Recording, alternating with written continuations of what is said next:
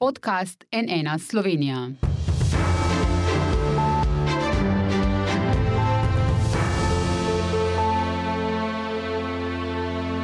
Dobrodan, to je NN studio. Še pred pol leta je bilo to nekaj popolnoma nepredstavljivega, po tem koncu tedna pa je jasno, da bosta doslej neutralni Finska in Švedska, zahvaljujoč ruski agresiji na Ukrajino, obe vstopili v zvezo NATO. Je njun strah upravičen, kaj to zavezništvo prinaša in kako bo na to odgovorila Rusija? O tem s predstojnico katedre za obramboslovje na Ljubljanski fakulteti za družbene vede, dr. Jeleno Juvan. Dobr dan, dobrodošli. Dobr dan, hvala. Pa če začneva uh, s tem preobratom, ne, ki sem ga omenil, tudi v javnem mnenju uh, teh dveh držav, ne na zadnje, najbrž to ni presenečenje. Ta korak ste verjetno zdaj pričakovali, to, kar se je ta konec tedna zgodilo. Um, to, kar se je zgodilo ta konec tedna, je bilo vsekakor pričakovano, izjemno nepričakovano je pa sploh to, da Švedska in, NATO, in Finska sta izrazili željo za članstvo v NATO, še bolj nepričakovano je pa izjemno javno mnenjska podpora tako med domačim, torej švedskim prebivalstvom in finskim prebivalstvom za članstvo v NATO. Ne. Švedska in Finska sta tradicionalno neutralni državi. Uh, v bistvu celotna struktura sodobne mednarodne skupnosti, kot je bila vzpostavljena po koncu druge svetovne vojne in pa po koncu hladne vojne, temelji na neutralnosti določenih evropskih držav, uh, medtem vsekakor na neutralnosti Švedske in Finske. In to, da se to sedaj spremenja, pomeni um, tektonske spremembe uh, evropske varnostne arhitekture, svetovne varnostne arhitekture, uh, ki bo imela. Um, izjemne posledice za v prihodnje. Lahko o tem, kaj špekuliramo, o teh posledicah. Mislim, se vem, da bo še v nadaljevanju bolj specifično, pa vendarle, kaj to članstvo zdaj pomeni najprej, morda za zavezništvo NATO. Ne vemo, da Finska ima precej uh, vojakov, Švedska ima oklepnike, ima helikopterje. Kaj še prinašata? Um, tako Finska kot Švedska ima uh, sodobne, imata obe dve sodobne oborožene sile, visokotehnološke, razvite. Eh, tudi številčne, torej obe državi sta neutralni, kar pomeni, da eh, država, ki je neutralna, las, samo, sama zagotavlja lastno nacionalno varnost in zato potrebuje močne in tudi številčne oborožene sile. Torej, z tega vidika Zveza NATO uh, vsekakor pridobiva dve državi uh, z visoko razvito. Z visoko razvitimi nacionalnimi vojskami, Eh, po drugi strani pa je res vprašanje, kaj to prinaša za, um, za Rusijo v prihodnje. Um, torej, če upoštevamo dejstvo, da je Rusija v približevanju uh, zveze NATO njenim uh, zahodnim mejam videla odkrito grožnjo in kot enega izmed razlogov, zakaj se je odločila za vojaško agresijo na Ukrajino, uh, potem je res uh, vprašanje, kako bo videla in kaj bo prineslo članstvo tako Finske kot Švedske v NATO. Mhm. Pa je dejansko potem pri, pričakovati vpliv priključitve teh, drž, teh dveh držav na dogajanje trenutno v Ukrajini? Ne? Ponovno bo mednarodna skupnost, sploh tehnica Zahod-Vzhod, iskala neko ravnovesje, če, če temu tako rečem. Je trenutno uh, spopad v Ukrajini še ni eskaliral izven uh, ukrajinskih uh, meja. Um, za zdaj se zdi, da ostaja omejen na ozemlje Ukrajine, oziroma sedaj se je skoncentriral na območje vzhodne in pa južne Ukrajine.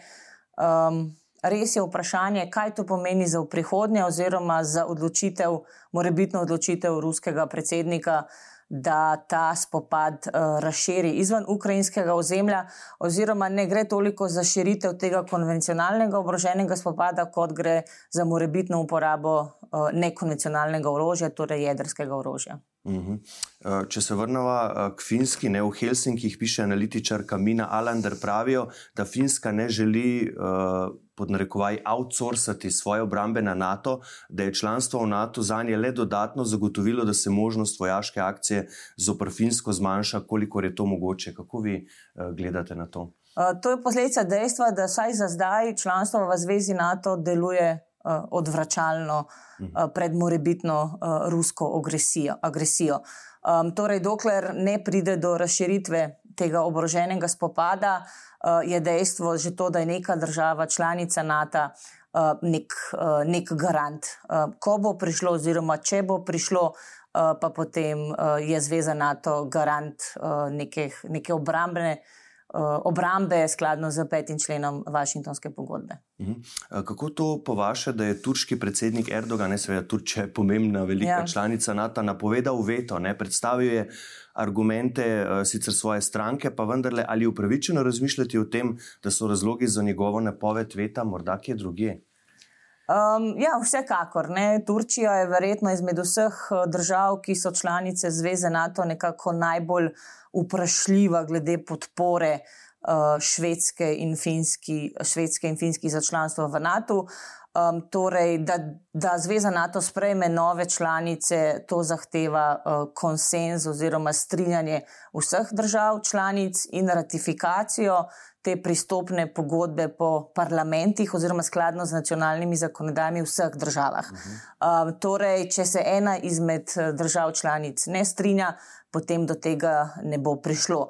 Glede na izkušnje Evropske unije z turškim predsednikom pri reševanju migranske krize 2015-2016, pa se lahko, lahko domnevamo, da je v ozadju uh, verjetno še kaj drugega.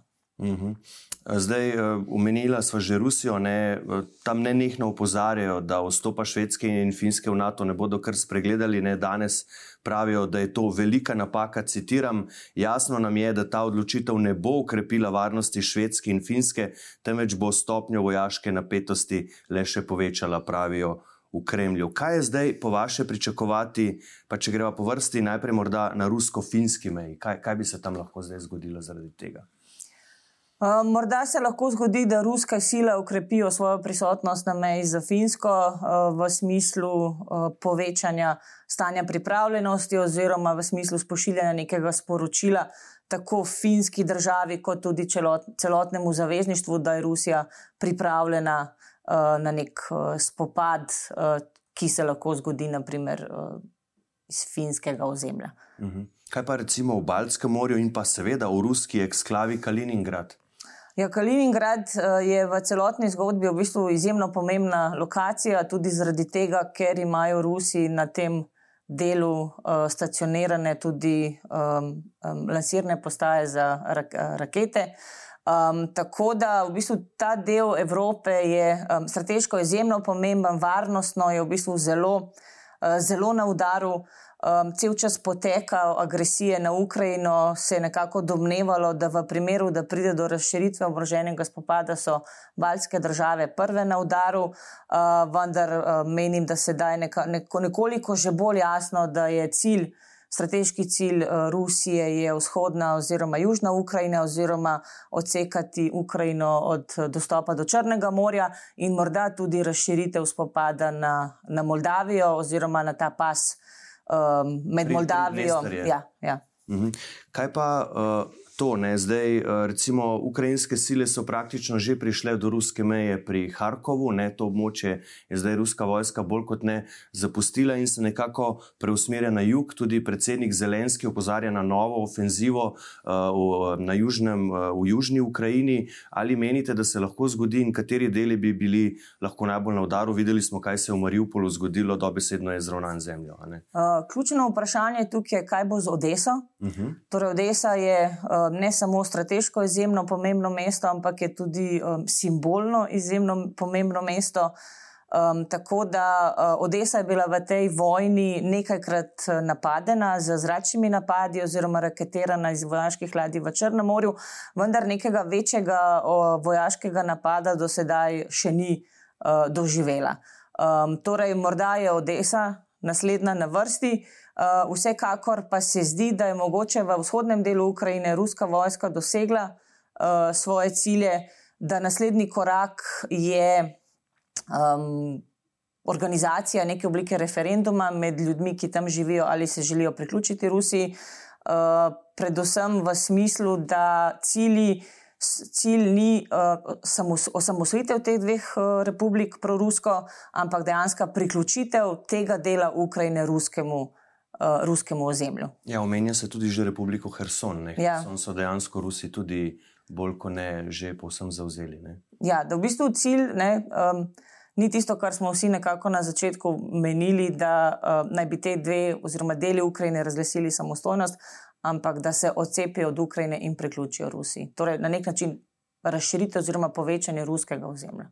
In za zdaj kaže, da pač ta severna obala Črnega morja, da je to to. Ne? Zdaj, če pridejo do Odese in dejansko napadejo Odeso, potem pa verjetno že lahko govorimo o naslednjem koraku, ki ste ga preomenili, o Moldaviji, o Pridnestarju. Res je, ampak eh, pri eh, Moldaviji oziroma Pridnestarski republiki um, je večja verjetnost, da pride do, iz, da je ta spopad izvan znotran, strani notranjih proruskih uh -huh, sil, uh -huh. uh, ki izkoristijo, lahko izkoristijo to celotno situacijo za uresničitev uh, svojih ciljev in se potem povežejo z rusko vojsko, ki, prišla, ki prihaja z ukrajinskega ozemlja. Kaj pa zveza NATO, ne? zdaj, če bo dobila dve uh, novi, močni uh, državi v zavezništvu. Kaj menite, da, bo zdaj, da bodo zdaj njihove nadaljne poteze? Ne Jens Stoltenberg, generalni sekretar, je seveda že, že uh, pozdravil to, to odločitev, ampak kaj, kaj zdaj sledi, pa kar se NATO tiče? Um, Zveza NATO, dokler ne bo um, ena izmed držav članic napadena, ne bo aktivirala petega člena Vašinovske pogodbe, oziroma ne bo odreagirala v smislu, da bi na kakršen koli način izvala direktni spopad uh, z Rusijo. Um, torej, um, početje oziroma sprejemanje odločitev na ravni Zveze NATO je, po mojem mnenju, zelo pametno. Ni bilo, uh, torej vse odločitve so izjemno pretehtane uh, in ni bilo nekih odločitev, ki bi lahko uh, uh, Rusija smatrala kot provokacijo. Um, torej, ruska vojska je napadala tudi cilje, ki so bile izjemno blizu polske meje. Spomnimo se tistega uh, vojaškega oporišča ukrajinske vojske, kjer so dejansko zahodne sile uh, usposabljale ukrajinske vojake. Um, torej, napadi so bili vedno bližji. Uh, dejansko ozemlju uh, Zveze NATO, uh, vendar do tistih konkretnih napadov pa ni prišlo. Tako da v bistvu Zveza NATO deluje zelo diplomatsko, Eh, pretehta vsako odločitev, eh, vendar, če bo prišlo do napada na eno izmed eh, članic, pa ne bo mogla več tehtati in razmišljati, ampak bo morala zaradi lastne legitimnosti aktivirati peti člen. Um, če lahko samo še dodam, ne, ja. tista ključna prelomnica v tem celotnem spopadu je um, zahodna pomoč, oziroma pomoč zahodnih držav v oborožitvi. Uh -huh. uh, in to je tisto, zaradi česar sedaj skoraj bo že tri mesece, no po dveh mesecih in pol, ruska vojska tudi spreminja svoj način delovanja uh, po ukrajinskem ozemlju, oziroma trenutno se regrupira, um, usmerja vse svoje sile v južni del. Um, torej, ukrajinska vojska je v zadnjih dveh mesecih in pol res pridobila izjemno vojaško pomoč, sodobne oborožitvene sisteme. Na začetku so morda uh, je, se je zdelo, kot da naprimer Nemčija pošilja neke uh, vojaško opremo oziroma oborožitev, ki je bila nekoliko zastarela, mhm. vendar to se je bistveno spremenilo tudi Združene države Amerike. Uh, količina orožja, oborožitve in tudi finančna pomoč, ki jo ukrajinska vojska dobiva z Zahoda, je resnično izjemna in dejansko daje neko možnost, da morda Ukrajina v tej vojni uh, ne bo poraženka.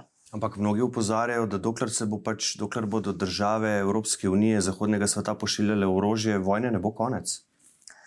Um, ja, na nek način um, zahodne države pomagajo Ukrajini, uh, ampak kaj pa, če ne bi pomagale? Ne? Uh, to bi dejansko pomenilo, da smo eno izmed držav v mednarodni skupnosti pustili na cedilu in da na nek način odobravamo to, kar uh, Rusija počne. Uh, že od prvega dne pa je jasno, da Rusija krši mednarodno pravo, da je v bistvu s tem napadom uh, spodkopala temelje sodobne mednarodne skupnosti uh, in da um, takšno početje je uh, popolnoma nesprejemljivo. Za konec, morda doktorica Juvan še to, glede na to, da je Ukrajina v soboto zmagala na pesmi Eurovizije, verjamete, da bo lahko prihodnje leto maja dejansko organizirala to tekmovanje na svojem ozemlju? Kaj menite? Realno je to. Realno mislim, da, da ni, ni možno, da bo Ukrajina naslednje leto organizirala tekmovanje za pesem Eurovizije. Um, večja verjetnost je, da bo um, potekalo izven ukrajinskega ozemlja. Bomo videli, vsekakor spremljali. Za danes pa, spoštovana doktorica Juva, najlepša hvala, da ste prišli v studio NN. Hvala za vabilo. Hvala pa tudi vam za vašo pozornost. Seveda, če vas zanimajo najnovejše podrobnosti o tem, kaj se dogaja v Ukrajini, pa tudi v zvezi z vstopanjem Finske in Švedske v Zvezo NATO, obiščite našo spletno stran nnainfo.si.